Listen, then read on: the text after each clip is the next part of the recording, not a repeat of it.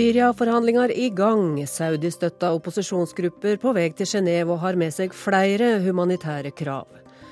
Ei løgn har piska opp flyktningedebatten i Tyskland, slår tilbake på de som vil hjelpe syriske flyktninger. Iran er på vei inn i varmen, men hva slags Iran kan vi vente oss? Dette er Urix på lørdag. Vi skal også høre om et ekteskapskurs i Gaza, og om et lite folk i Afrika som kjemper for å overleve ved Turkanasjøen. Men først altså til Syria-forhandlingene som ble innleia i Genéve i går. Med tautrekking om hvem som skulle delta helt til det siste. Og Sigurd Falkenberg Mikkelsen, hva er nytt nå med denne tredje runden i Syria-samtalene? Det som er annerledes, først og fremst, er at uh, opposisjonen deltar med en blanding av uh, eksilopposisjon og folk som er uh, involvert i kampene internt i Syria. Det var det ikke tidligere.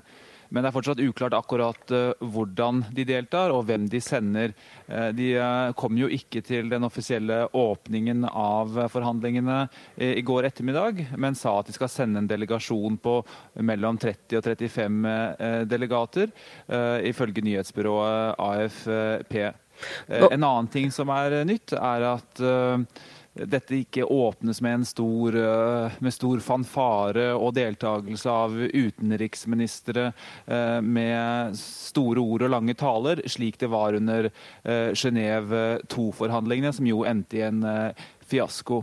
Men den underliggende dynamikken her eh, er fortsatt eh, noe av den eh, samme. Dvs. Si at det er liten forhandlingsvilje på, på noen sidene av forhandlings... Altså blant noen av partene.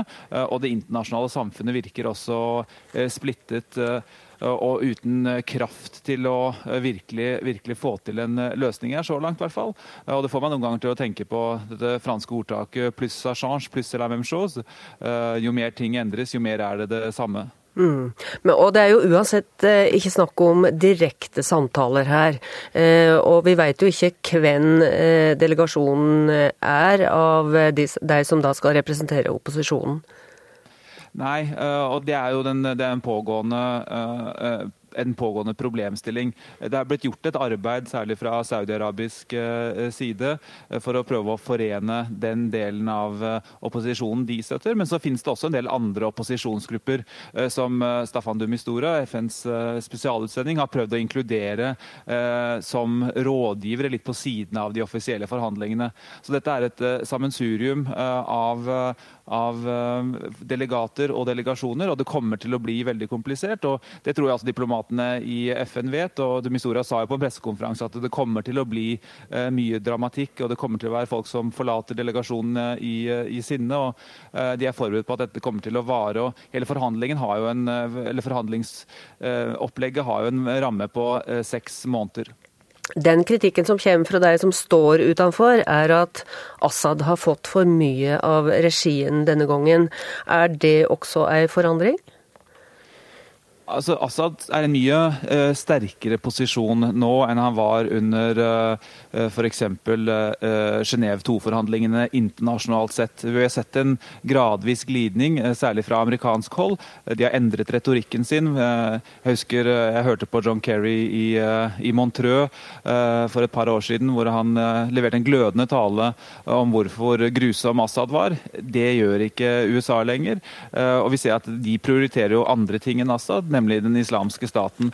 Eh, sånn at det er veldig mange aktører med veldig mange forskjellige, uh, forskjellige mål her. og Det gjør at, uh, at, Assad står sterkere, i tillegg til at de har fått Russland uh, til å gå inn og, og, bombe, som også gjør at de står sterkere på bakken. og Det har skapt enormt, enormt, mye frustrasjon på opposisjonssiden. og Det gjør at det er vanskelig for dem å, å forene seg, men også vanskelig å få dem til å prate, fordi de stoler ikke lenger på det som i utgangspunktet er deres allierte, nemlig da de vestlige landene. Vi har fått med oss eh, Midtøsten-kjenner Kai Kverme i studio. Velkommen. Takk skal du ha. Og vi skal gå litt mer inn i den kurdiske delen av Syria-konflikten. Eh, hvorfor er det så mye oppstyr rundt det at eh, PYD, det kurdiske, det syrisk-kurdiske partiet, ikke ser ut til å få bli med i Genéve-forhandlingene? Ja, Det er nok flere grunner til det. Altså, En av grunnene er eller Et av problemene er hvordan man skal definere disse her.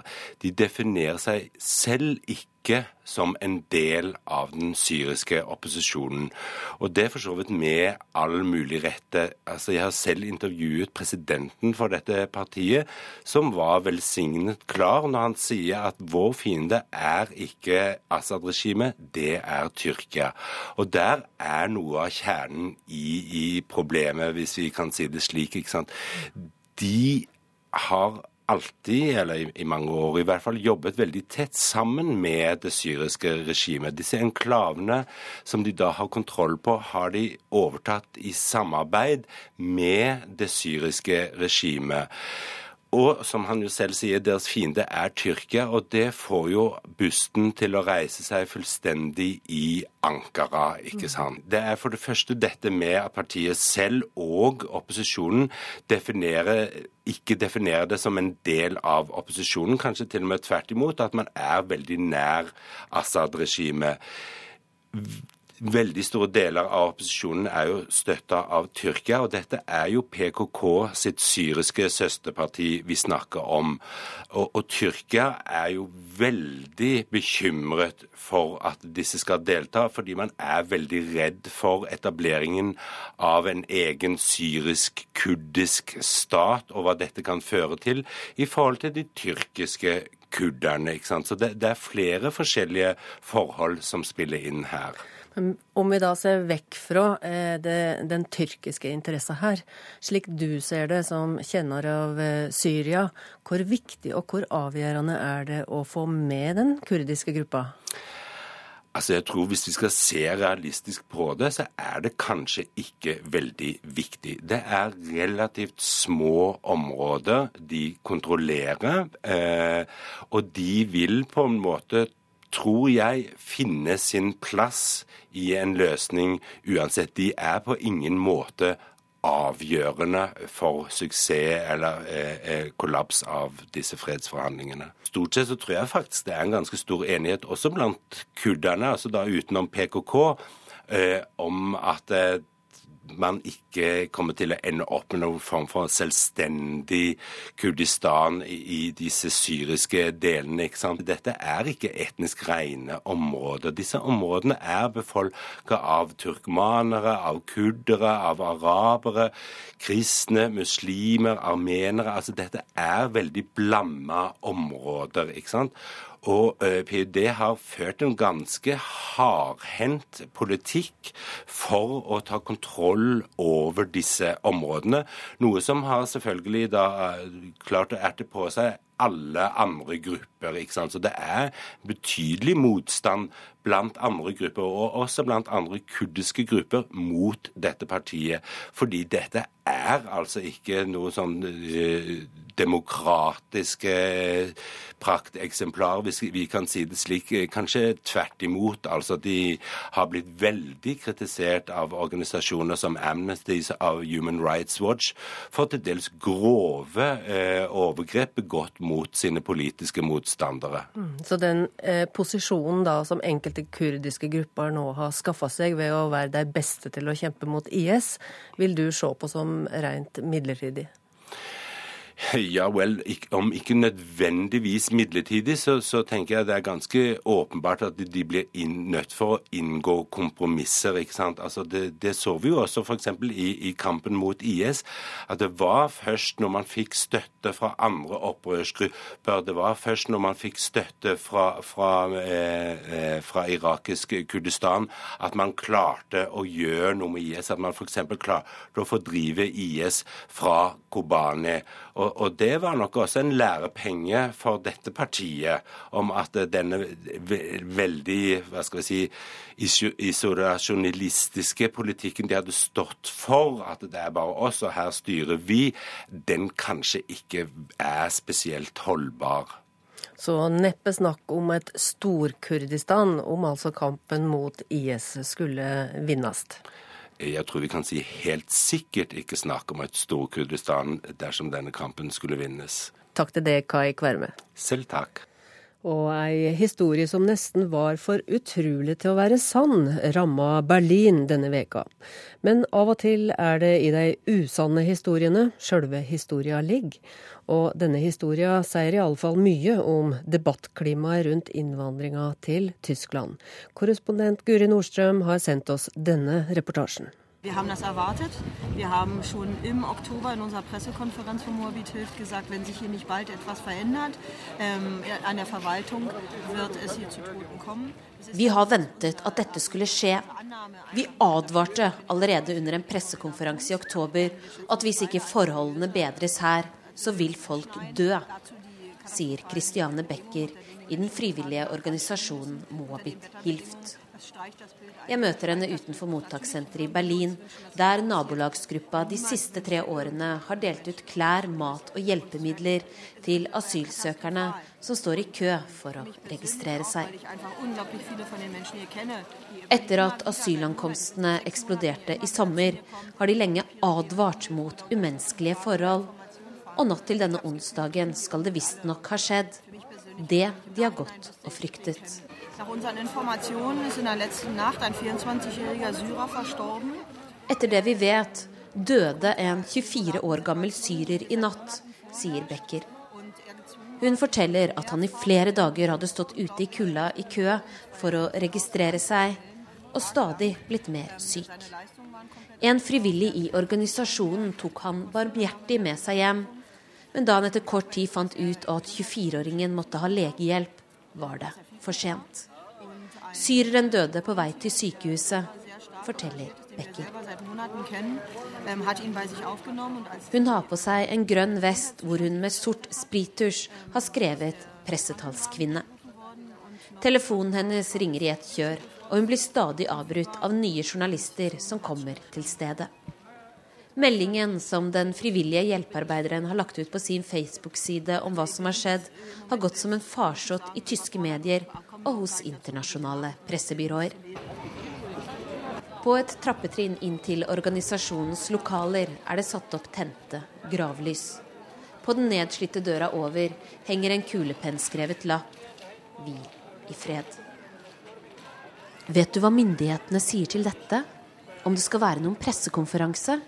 spør jeg en kollega fra Bild Zeitung.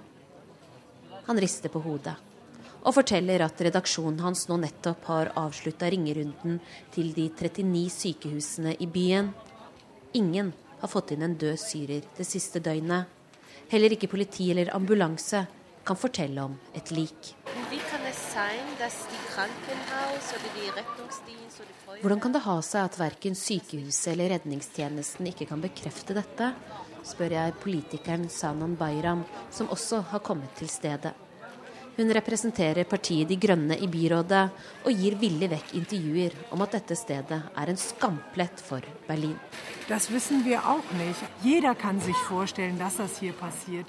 Det vet vi ikke, men alle kan forestille seg at dette har skjedd her. Det har vært en farlig situasjon her lenge, sier hun og blir oppgitt over at jeg kan spørre om noe sånt. Da jeg skal gi henne visittkortet mitt etter intervjuet, avslår hun det bare med å si at hun ikke trenger det, fordi vi to neppe kommer til å møtes igjen. Så samler lederne for hjelpeorganisasjonen plutselig alle til en provisorisk pressekonferanse. Um, vi har i de siste stunden, minuten, darum de forteller at de forgjeves har forsøkt å få tak i ham som varslet om dette, men han er så preget av det som har skjedd, at han ikke vil snakke med noen.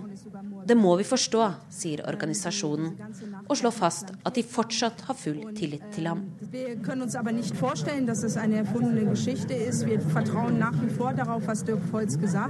Pressekorpset begynner så smått å pakke sammen, men en kollega fra et russisk nyhetsbyrå blir stående igjen. Jeg vet hun ikke kan tysk, så jeg går bort til henne for å fortelle hva som nettopp har blitt sagt. Du, du vet at det viktigste i denne historien mangler, nemlig liket. Så det er sikkert lurt å avvente litt hva dette er for noe før du rapporterer, sier jeg. Jeg lager noe likevel, smiler hun. Russerne elsker dette. Du husker den saken om hun 13-åringen med russisk bakgrunn her i Berlin som sa hun var blitt bortført og gruppevoldtatt av flere utenlandske menn? spør hun. Ja, men det var jo sannsynligvis bare oppspinn, Politiet henla jo det hele, sier jeg om saken, som har fått tusenvis av russere til å demonstrere over hele Tyskland i det siste. Jeg vet det, sier hun. Men nyhetsbyrået vil ha det. Senere den kvelden kommer Berlin-politiet med en melding på Twitter. Den frivillige hjelpearbeideren innrømmer at han har funnet opp hele historien. Han var visst full. Nå er han visst lei seg. Det får det til å koke over i sosiale medier. Det er de naive nytteidiotene mot de rasistiske haterne, skal vi tro deres egne karakteristikker av hverandre i en tysk innvandringsdebatt som stadig blir mer polarisert. Noen skriver dette er samme gjeng som lo av oss da vi sa vi fryktet seksuelle overgrep når det kommer inn så mange unge enslige menn med et annet kvinnesyn enn oss. De sa det heller var større sjanse for overgrep fra tyskere under oktoberfesten. Og så fikk vi Köln. For landet er i høyspenn etter overgrepene i Köln på nyttårsaften. Og troen på at Tyskland skal klare å ta imot alle asylsøkerne, blir stadig mindre. I juli sa 54% at landet fint ville klare å ta imot dem som kom. Nå sier kun 37% det samme.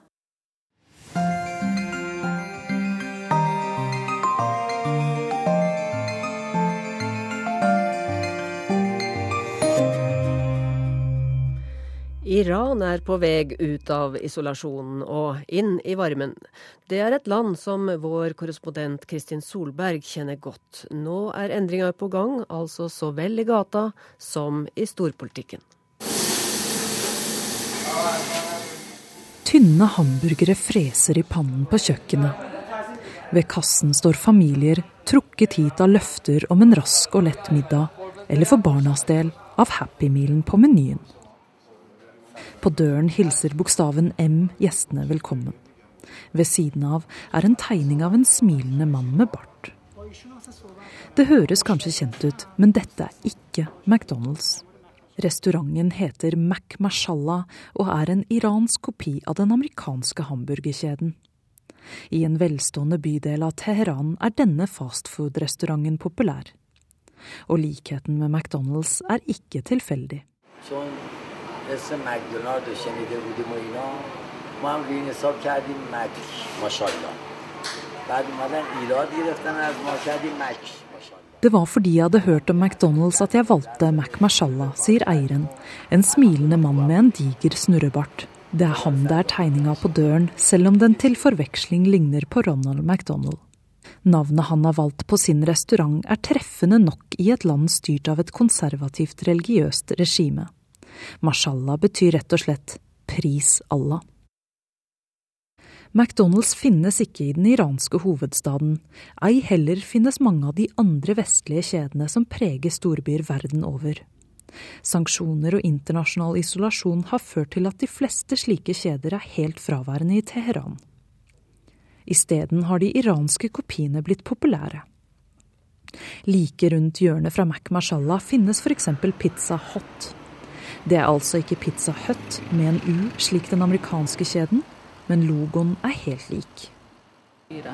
ما سعی کردیم که غذامون تو تیپ اون غذا باشه ولی به خاطر اینکه به متریالی که اونجا تهیه میشه متریالی که تو ایران خیلی Kvinnen bak disken sier at de har gjort menyen så lik som mulig den i USA, men at smaken likevel ikke alltid blir helt den samme.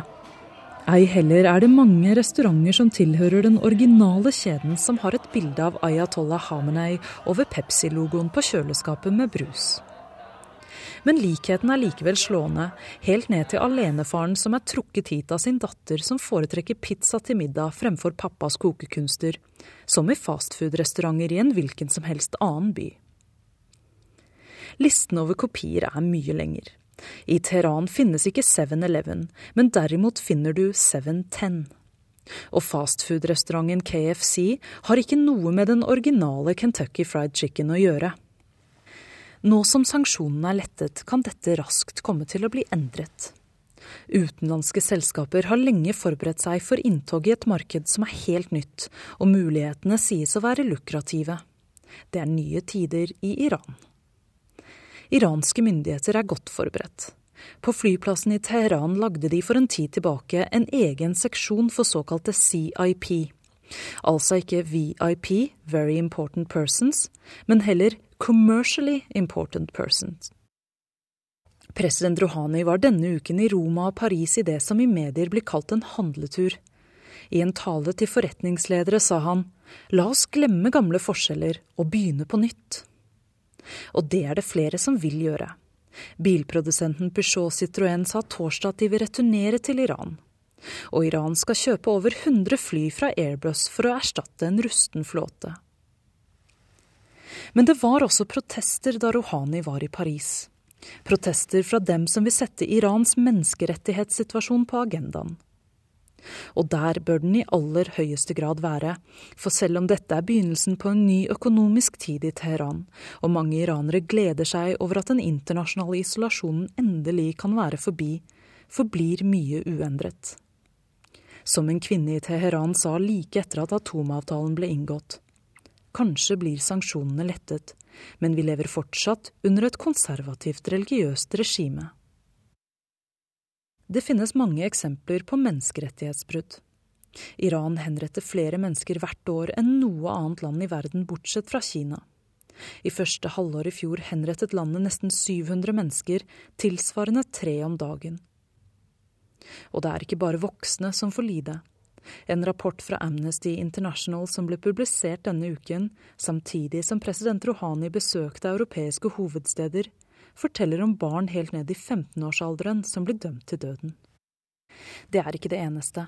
Ytringsfrihet, likestilling, rettigheter for minoriteter, her er det langt og lenger enn langt igjen. Selv merker jeg det som journalist i Iran. Mange er redde for å snakke, med mindre de mener det samme som myndighetene. Det er som regel et dårlig tegn når folk ikke ønsker å oppgi navn, eller ikke ønsker å bli avbildet. Og så er det naturligvis Syriakrigen, og hva Irans vei inn i varmen kan ha å si for den. Ikke bare støtter Iran Bashar al-Assad finansielt og militært med alt det blodet hans regime har på hendene. Human Rights Watch uttrykte denne uken dessuten bekymring for at Iran rekrutterer afghanske flyktninger til å kjempe i Syria, delvis med tvang, delvis med løfter om oppholdstillatelse. Menneskerettighetsorganisasjoner mener at det viktige nå er at den økonomiske kjøpefesten som er begynt, ikke overskygger den problematiske menneskerettighetssituasjonen. Eller at politikere, ivrige etter et nytt forhold, ikke lar den forbigå i stillhet. Optimismene sier at den nye starten kan brukes som en god anledning til å forsøke å bedre det som ikke er bra. Og kanskje kan et varmere forhold til Vesten gjøre noe også på dette feltet. Politiske dissidenter inne i Iran har tidligere sagt at når USA har raslet med sablene overfor hjemlandet, har de følt seg mer presset av myndighetene. Håpet må være at mindre sabelrasling fører til mindre press. Optimismen om en bedre framtid er å spore hos Mac Mashallah. Eieren frykter ikke økt konkurranse på fastfood-markedet, ei heller fra McDonald's. Da vil han heller samarbeide.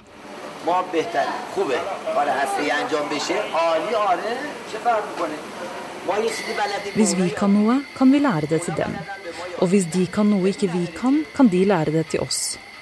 Det vil ikke være et problem, med Guds vilje, legger han til. Han serverer hamburgere til en far og en datter som har bodd i England, og som godt kjenner til den egentlige McDonald's. Mac Mashallah er langt bedre, mener de, og de tror at iranere vil verne om de lokale butikkene selv når utenlandske kjeder uunngåelig kommer hit. To be honest, I think Iranian people support their own products to an extent that they will, you know, keep hold of their own national um, chain stores and um, restaurants. So I hope that um, we won't see Iranian restaurants shutting out. And I wish also, I, I give my hopes to and best wishes to Mak Mashallah Khan that be successful to uh, uh, what uh, uh exporting expand, this, expand yeah, to other countries. to other countries. Hopefully, yeah. Hopefully. Fingers crossed. Så kanskje kommer Mac Mashallah til en by nær deg. Fra håp i Iran til Palestina nå. For første gang kan unge par i Gaza gå på kurs for å få gode råd før de gifter seg. Gaza er styrt av islamistene i Hamas, og ingen får være kjærest eller samboer før de blir ektefolk. På den innestengte kyststripa bor det nå nærmere to millioner mennesker, og over halvparten er under 25 år, mange i gifteklar alder. På rekke og rad sitter de, bruder kledt i samme finstas. De unge kvinnene har på seg hvite, tradisjonelle kjoler med røde broderier på. Alle brudgommene har på seg mørk dress, og rundt halsen henger et palestinsk skjerf. De unge i Gaza gifter seg ofte i massebryllup arrangert av Hamas, eller som dette bryllupet i fjor, betalt av en organisasjon i Emiratene. Pga. den fortvilede situasjonen i Gaza, der arbeidsløsheten er skyhøy og få menn har råd til å stifte familie og gifte seg, er det svært velkomment når andre tar regningen, i alle fall for bryllupet. De unge håper på et godt ekteskap. Men i det islamiststyrte Gaza er det ikke noe som heter kjærester. Å bo sammen før ekteskap er stor synd, det er først når et ungt par er gift at de får testet ut om de passer sammen eller ikke. For å hjelpe dem til et best mulig ekteskap har tre Hamas-departement, Det islamske universitetet og en britisk organisasjon gått sammen om å arrangere samlivskurs. Vi tester ut dette nå, og målet er å gjøre kurset obligatorisk, sier Hassan al-Jojo, leder for det høyere religiøse juridiske rådet. Nå må vi se om det palestinske samfunnet er mottakelig for slik rådgivning, sier mannen som bærer et hvitt religiøst hodeplagg. Et av målene med kurset er å lære mannfolk å behandle kvinner med respekt. Vi ønsker å styrke par ved å si til dem at de er partnere og vi ønsker å endre oppfatningen hos mennene, for noen av dem tror at en kvinne bare er en fødemaskin, mens hun er et menneske som fortjener respekt, mener den skriftlærde. I et klasserom med lange gylne gardiner foran vinduene sitter ti alvorlige menn. De fleste i jeans, noen med svarte jakker, er samlet rundt et solid mahognibord. Jeg forteller dem at de må vise både hat og kjærlighet i forholdet. For hvis to ektefeller forstår hverandre bedre, er det lettere å akseptere hverandres forskjeller, forklarer psykiateren Jamal Tahrawi, en av kurslederne. Vi må lære foreldrene å snakke ordentlig med barna sine om livet og om samlivet mellom mann og kvinne. Tenk deg når en ung kvinne og mann gifter seg, og ingen av dem har noensinne hatt en fortrolig samtale med sine foreldre. Det er ingen god måte å starte et samliv på, sier ekteskapsrådgiveren til Reuters. I naborommet sitter åtte unge kvinner, også de alvorlige. Fire av dem med lyse hijaber. De andre fire er helt tildekket med svarte nikaber. De nye kursene, som er temmelig banebrytende i Gaza, er ikke akkurat fulltegnet så langt. Jeg var sjokkert over å se at så få kom på kurset. Mange hadde hatt godt av å komme hit, for så mange unge er uvitende om hva et ekteskap innebærer. De vil bare bli gift for å føre tradisjonene videre, sier Hassan Mekbel, som sitter i klasserommet. Også Tyrkia har bidratt for at unge Gaza-palestinere skal få gifte seg. I mai i fjor, på femårsdagen for det israelske angrepet mot Ships to Gaza-flåten, da ni tyrkere ble drept, betalte den tyrkiske regjeringen for et massebryllup på et stadion. Og president Erdogan la 34 millioner kroner på bordet for å gi de nygifte parene en startkapital. Av Gazas befolkning på snart to millioner er over halvparten under 25 år. Og de vil gjerne stifte familier. Musikk fra bryllupsfester høres ofte i Gazas gater. Uansett hvor mørk fremtiden virker på det lille, klaustrofobiske området stengt inne av Israel og Egypt. Og det sa reporter Sissel Wold. Til USA nå. Den sjølerklærte demokratiske sosialisten Bernie Sanders kjemper nå sitt livs politiske kamp for å bli presidentkandidat for demokratene. De første nominasjonsvalgene skjer i delstaten Iowa om to dager, og han er i framdrift. På et av de siste folkemøtene fikk Sanders god hjelp av ei voksen Hollywood-stjerne.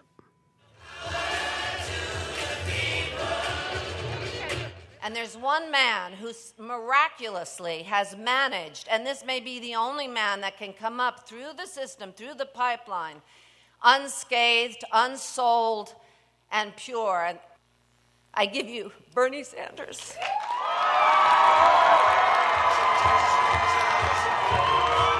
Med tårer i øynene innannonserte Susan Sarandon den 74-årige raddisen foran en stappfull innendørs handlegate i Mason City. Who in America really believes that we should be taking on the billionaire class?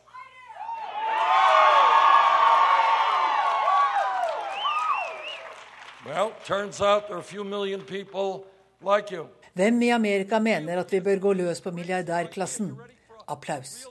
Det er noen få millioner som dere, sa Bernie Sanders. Vi sto som sild i tønne. Det utrolige kan skje nok en gang. I 2008 slo ungfolen Barack Obama veteranen Hillary Clinton i Iowa. Nå kan hun igjen bli slått av en rival til venstre for seg. Hun leder med knappe 2,5 på et snitt av de fem siste meningsmålingene. When we began this campaign, we were 40-50 points behind. Now, with your help, we're going to win here in Iowa.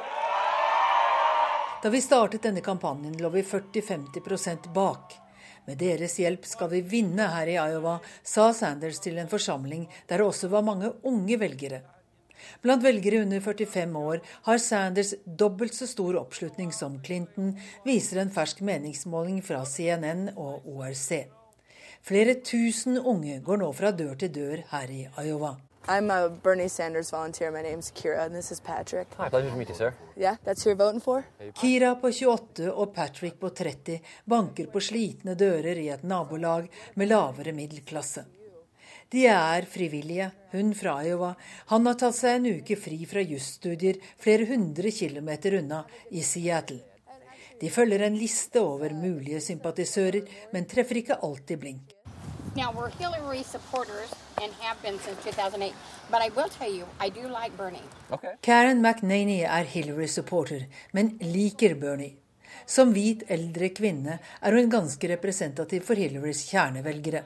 Det er ikke først og fremst dem Kira Barker er ute etter å bevise. The young voters take up the largest percentage of people that don't show up. And uh, in order to make an actual change and affect turnout, De unge velgerne utgjør den største gruppen av velgere som ikke møter opp. Og for å få til en politisk endring er oppmøte viktig, sier Kira. Neste på lista, 28-årig Lauren Bensley, har allerede bestemt seg for Bernie. Uh, like really kind of going back with his history, he doesn't seem to like waver a lot in what he thinks and believes in. So. Han virker som en virkelig ærlig person. Det virker ikke som han har vinglet mye opp gjennom årene, sier Lauren. For henne er det viktig at han vil dele opp de store bankene på Wall Street. Men hva tenker Kira selv om sosialismen? the word socialist doesn't scare the people of my generation, my peer group. In fact, we mostly laugh it off because we don't understand, you know. We, it wasn't imprinted in us to be scared of that. Ordet sosialist skremmer ikke folk fra min generasjon. Vi ler av det. Vi forstår ikke hvorfor vi skal være redde. Vi ble ikke opplært til det. Men mange velgere er redde for Bernies sosialisme, medgir Kira. Selv er den 28-årige servitøren mest opptatt av Bernies forslag om å finansiere helse til alle over skatteseddelen, som i Skandinavia. Uh, healthcare, uh, college. I'd like, I'd like to have those things. I haven't had healthcare since I was 19 and I'm 28 years old. Spesielt helse og college er viktig. Jeg har ikke hatt helseforsikring siden jeg var 19. Nå er jeg 28. Landet vårt ligger etter, sier hun. Og ingen andre kandidater har et så radikalt syn på utdanning som Sanders. Today, in many ways, a college degree is what a high school degree was 50 years ago. And that is why I believe that today we should make public colleges and universities tuition free. En college-eksamen er i dag hva en high school-eksamen var for 50 år siden. Derfor må statlige college eller høyskoler og universiteter være gratis, sier Bernie. Løftet går rett i hjertet på 18-åringen Connor Furden.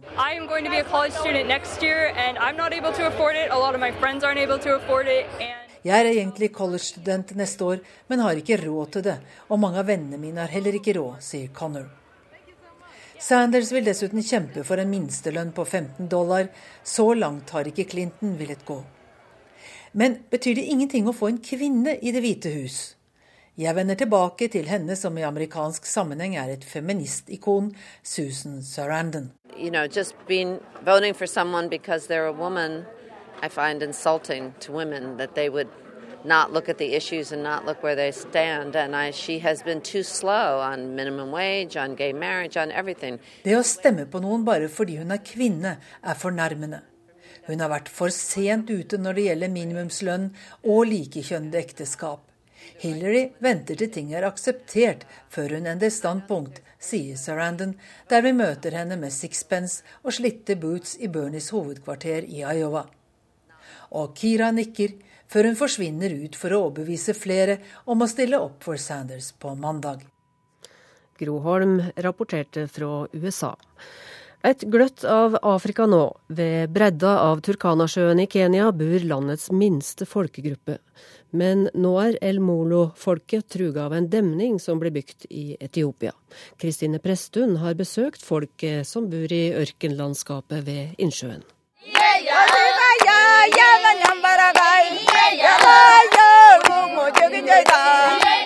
Lave kvinner med krokete rygger Store smil i solvarme ansikter, og rundt halsen rad på rad med fargerike perler på fiber av palmetre. De ser eldre ut enn de er. I dette varme og tørre landskapet er levealderen 45 år. My name Rose Paula, and our clan is which means the people who live under the shore of the lake. Rose Paola ønsker oss velkommen til folket som bor her ved bredden av Turkana-sjøen, i små stråhytter. Verdens største ørkeninnsjø ligger nord i Kenya og strekker seg opp mot grensen til Etiopia og Sør-Sudan. Paula er stolt av å bo her ved sjøens bredde og tilhøre Kenyas minste folkegruppe, El Mollo, fiskefolket. Our food is only fish, so that we are elmolos. De lever av fisken de finner i Turkana-sjøen, som glitrer isblått i ørkenlandskapet. Før jaktet de på både krokodiller og flodhester, og er kjent for sitt mot. Det salte vannet fungerer også som drikkevann, en av årsakene til at de dør så tidlig.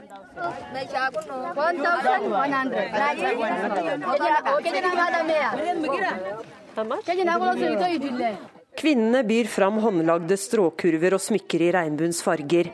Det kan ikke være mye de tjener på de få turistene som tar den krevende turen hit. Det tar to døgn på en humpete landevei fra hovedstaden Nairobi. Mentalt er det en evighet herfra til skyskraperen i storbyen. I have four children. All are girls. Rose Paola forteller at hun har fire barn. Nå venter hun det femte.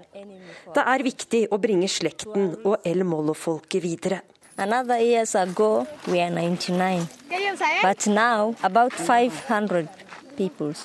For noen år siden var vi bare 99 igjen, men nå nærmer vi oss 500, sier Paola, som forteller at grunnen er at de er flere som gifter seg med folk fra andre folkegrupper, som samburu-folket. For henne handler ikke tilhørighet til El Mollo om blodsbånd, men om å bo her ved sjøens bredde. El Mollo is involved in a fight with anyone. That is something wonderful with this community.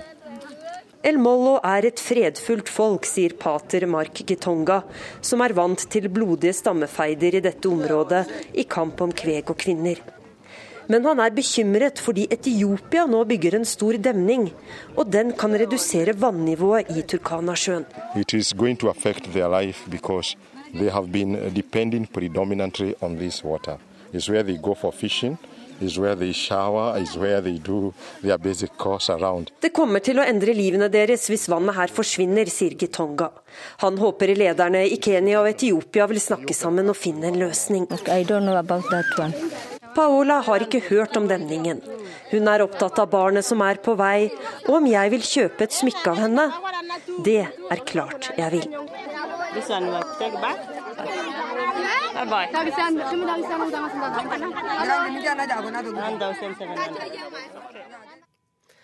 Argentina nå. Den nye presidenten Mauricio Macri blir stadig mer populær, trass i den økonomiske hestekuren han har satt i gang. Sentrum-høyre-politikeren Mac Macri vant knapt ved presidentvalget for to måneder siden, men har nå støtte fra et overveldende flertall. Her er Arnt Stefansen. Presidente de los argentinos! Drøyt to måneder er gått siden sentrum-høyre-bevegelsen Cambiemos, La oss forandre, vant en forbløffende seier ved presidentvalget i Argentina. Den nye presidenten Mauricio Macri har definitivt ikke kastet bort tiden. Få dager etter maktovertakelsen den 10. desember opphevet han kontrollen med kjøp av dollar, noe som førte til at landets valuta, pesoen, falt som en stein med rundt 30% nå følger nye økonomiske og politiske reformer, og for første gang siden 2005 deltok Argentinas president i år på møte til Verdens økonomiske forum i Davos. Vi ønsker alle fremgang og et bedre liv, sier president Mauricio Macri på en pressekonferanse under Davos-møtet. Dette er noe vi argentinere kan samle oss om, til tross for den politiske splittelsen. For meg er gode løsninger viktigere enn ideologi, og vi trenger alle gode krefter for å få landet på fote igjen, sier han. Men han har mektige politiske motstandere etter at venstresiden led et bittert nederlag ved presidentvalget.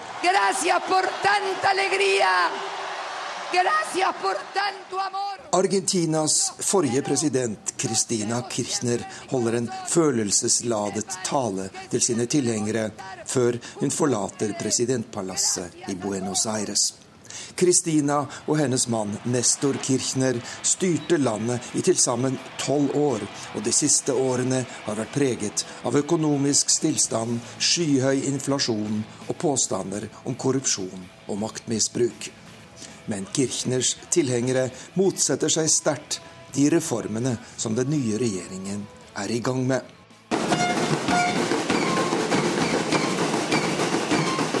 Argentinas militante fagforeninger var den forrige regjeringens viktigste støttespillere. Og de er allerede i gang med omfattende protester mot regjeringen Makris politikk.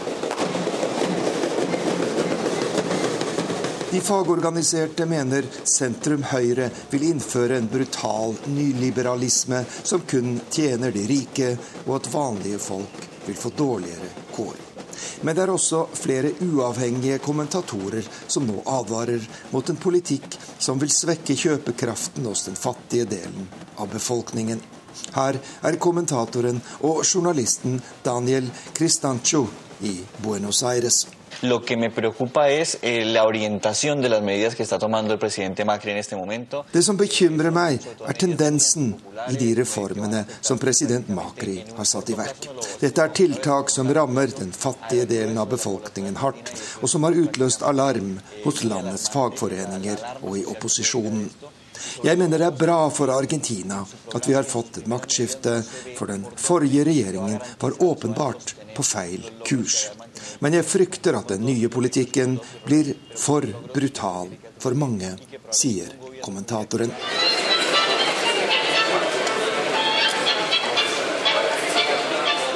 Stemningen er laber i Calle Florida, Buenos Aires mest berømte handlegate. En inflasjon på 25-30% har fått prisene til å eksplodere, og handlelysten er ikke påtrengende verken hos fastboende eller turister. Likevel viser meningsmålingene at argentinerne er åpne for å gi den nye regjeringen en sjanse. Nærmere to tredeler av velgerne sier de støtter Mauricio Macri, og at de tror hans regjering er bedre egnet enn den forrige til å bringe Argentina ut av krisa. Den eneste måten å løse problemene på, er å få til nye investeringer, sier den 37 år gamle Claudia Martinez, som jeg møter i Calle, Florida. Vi må gjenvinne tilliten til landet, og det er det bare regjeringen Macri som kan greie. Den forrige regjeringen var korrupt og udugelig, og hadde et dårlig forhold til USA og andre viktige land. Nå tror jeg alt vil endre seg til det bedre, selv om vi må gjennom en tøff tid først, sier 37-åringen. Hvor er de bortførte bokhandlerne i Hongkong? Det handler brevet fra vår korrespondent Peter Svaar om. Ved første øyekast så alt helt normalt ut. En pakke sigaretter lå på skrivebordet, og sengen var uoppredd. Men eieren av leiligheten i 17. etasje i et feriekompleks i den thailandske feriebyen Pattaya, han var det flere uker nå siden noen hadde sett. Sporene etter ham stoppet brått en morgen i oktober. Kornete overvåkingsbilder viser hvordan han kjører bilen inn i oppkjørselen, hvor det står en mann utenfor og venter på ham. De to veksler noen ord, og den ventende mannen setter seg inn i bilen. De kjører av gårde. Det var siste gang noen så Gui Minhai. Forleggeren og forfatteren, som er kinesisk, men har svensk statsborgerskap, var velkjent, nesten notorisk, i Hongkongs bokhandlermiljø. Ved skrivebordet i leiligheten i 17. etasje hadde Gui skapt en lukrativ butikk. Hans spesialitet var spektakulære, tabloide sladrebøker om den øverste ledelsen i Kinas kommunistparti. Spesielt godt solgte bøkene hans om privatlivet til Kinas president Xi Jinping, og bøker om påståtte intriger i regjeringskvartalet Songnanhai i Beijing. Det siste manuskriptet, som nærmest skal ha vært trykkeklart da Gui forsvant, hadde arbeidstittelen Xi Jinping og hans seks kvinner. Bokens tema skulle være president Xis privatliv mellom 1985 og 2002, og dermed også detaljer fra de 15 årene president Xi har vært gift med sangerinnen Peng Liyuan. Fra leiligheten hvor han forsvant, drev Gui Minhai kort og godt dyneløfting i bokform blant Kinas aller øverste militære og politiske ledere. Inntil han altså plutselig en morgen i oktober forsvant i tynn luft. I Hongkong solgte hans glansede sladrehistorier om kommunistpartiet minst like godt som glansede norske skandaleoppslag om kongehuset, og en spesielt stor leserkrets hadde bøkene blant de mange millioner kinesiske turister fra fastlandet som reiser til Hongkong først og fremst for å shoppe. For dem var bøkene ikke bare spektakulære og underholdende, men vel så mye en forbuden frukt. Bøker som spekulerer i politikeres privatliv, er utenkelig i Kina, og bare å diskutere slike temaer på kinesiske sosiale medier kan medføre at politiet banker på døren, og det som verre er. Ingen så ut til å bry seg nevneverdig om at kildegrunnlaget trolig var på den tynne siden, og det kan nok tenkes at enkelte av kvinnehistoriene bøkene omtalte, var nedtegnet i tankens flukt i leiligheten i Pattaya, heller enn å være basert på førstehåndskilder. Men Gui følte seg trolig beskyttet av sitt svenske statsborgerskap, og han sørget også for å drive sin virksomhet i Thailand og i Hongkong, og dermed utenfor rekkevidden av kinesisk politi, trodde han. Kort tid etter Guis forsvinning i Thailand begynte nemlig andre mystiske ting å skje i Hongkongs bokverden. Folk i kretsen rundt Guis forlag og bokhandelen han nylig hadde kjøpt, Causeway Bay Books, begynte også å forsvinne. Causeway Bay-bokhandelen lå en trapp opp fra gaten bak en gul gitterport, men her sto de glansede bøkene om Kinas ledere i salgsstativer med gule sjokkstjerner på fronten og utropstegn i tittelen. En bokhandel som dette ville vært en nærmest livsfarlig geskjeft bare en T-banetur unna hvor grensen til fastlandet går, men her, beskyttet av Hongkongs britisk nedarvede minigrunnlov og ordningen med ett land, to systemer, var selv byens sensasjonshungrige bokhandlere beskyttet av ytringsfriheten, av et uavhengig rettsvesen og av en politistyrke som ikke følger ordre fra politikere. Det trodde de, i alle fall. Rundt 14. oktober forsvant nemlig bokhandelens daglige leder, Louis Bo, trolig mens han var innom familien i den kinesiske byen Shenzhen. I starten av november forsvinner 65 år gamle Lam Wing-Kei, som er bokhandelens grunnlegger. Og så forsvinner 32 år gamle Chong Ji-ping. Vitner observerer hvordan han blir ført bort av et titalls sivilkledde menn fra sitt hjem i Kinas Guangdong-provins. Men lille nyttårsaften skjer forsvinningen som virkelig skal sette sinnene i kok.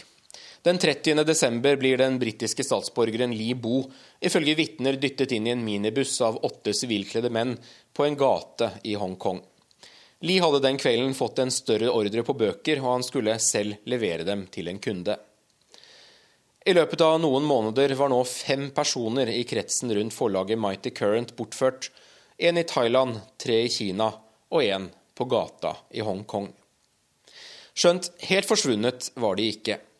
Gradvis ga flere av bokselgerne lyd fra seg i det som skulle bli en ny bisarr tvist i deres forsvinning.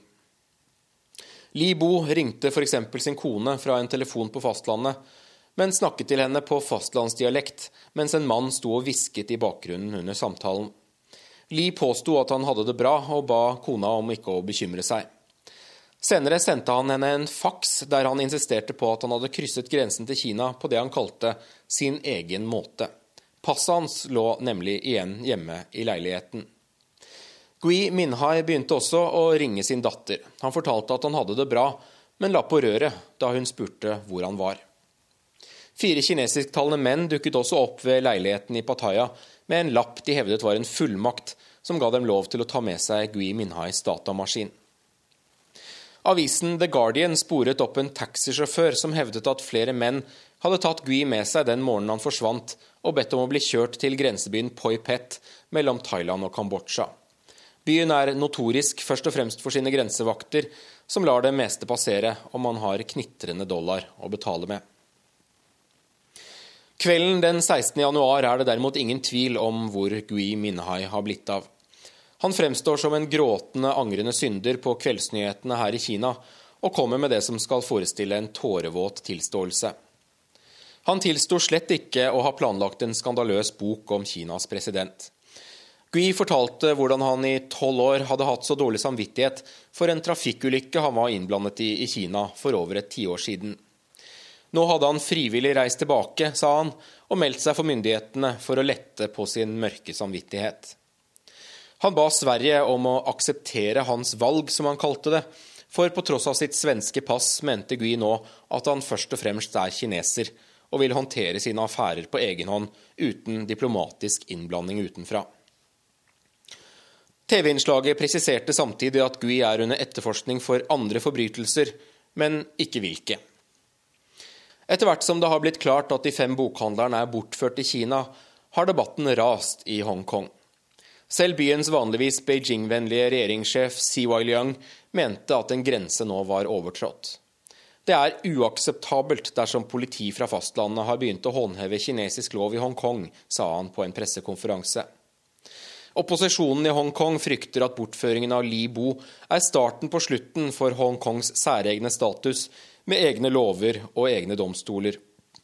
De frykter at Beijing gjennom denne bortføringen nå demonstrerer hvordan de gradvis kommer til å se på Hongkong som en hvilken som helst annen kinesisk by, og hvordan Hongkongs ytringsfrihet og uavhengige rettssystem nå bare vil fortsette å uthules bit for bit.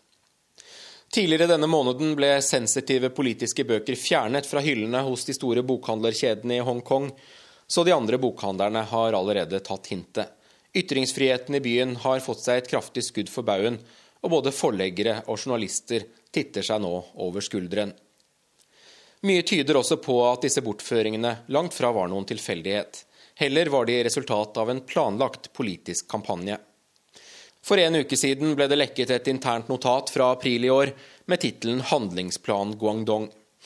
I notatet får politiet sør i Kina autorisasjon til å gå etter navngitte forleggere, forfattere og bokhandlere i Hongkong, og 14 forlag og 21 publikasjoner nevnes med navn i dokumentet. Bortføringene har ført til de vanlige diplomatiske bekymringsmeldingene, men verken britiske eller svenske politikere har krevd særlig mer enn en avklaring av hvor Li Bo og Gui Minhai befinner seg. For britene, som for tiden gjør alt de kan for å styrke sitt forhold til Kina, passer bortføringen av en av deres statsborgere på åpen gate svært dårlig. Sveriges utenriksminister har uttrykt bekymring for Gui Minhai, men ikke særlig mye mer. Men utenfor leiligheten hans i 17. etasje i Pattaya dukket det i går opp nye gjester. En gruppe svenske politifolk som nå skal bistå i etterforskningen av hans forsvinning. De skal forsøke å finne ut hvem som ventet på ham der på parkeringsplassen, hvem mobiltelefonen gjenglemt i en taxi tilhørte, og kanskje ikke minst hva thailandske myndigheter visste eller godtok om hans kidnapping. Bokhandlerforsvinningene kan være startskuddet for at Kina begynner å forfølge og kidnappe sine dissidenter også utenfor Kinas grenser. Og boken Xi Jinping og hans seks kvinner, den vil selvsagt aldri se dagens lys. Dette var Urix på lørdag. Hør oss gjerne på nett. Vi som fikk sendinga på lufta, var Espen Hansen, Vidar Eidhammer og her i studio Sigrun Slapkar.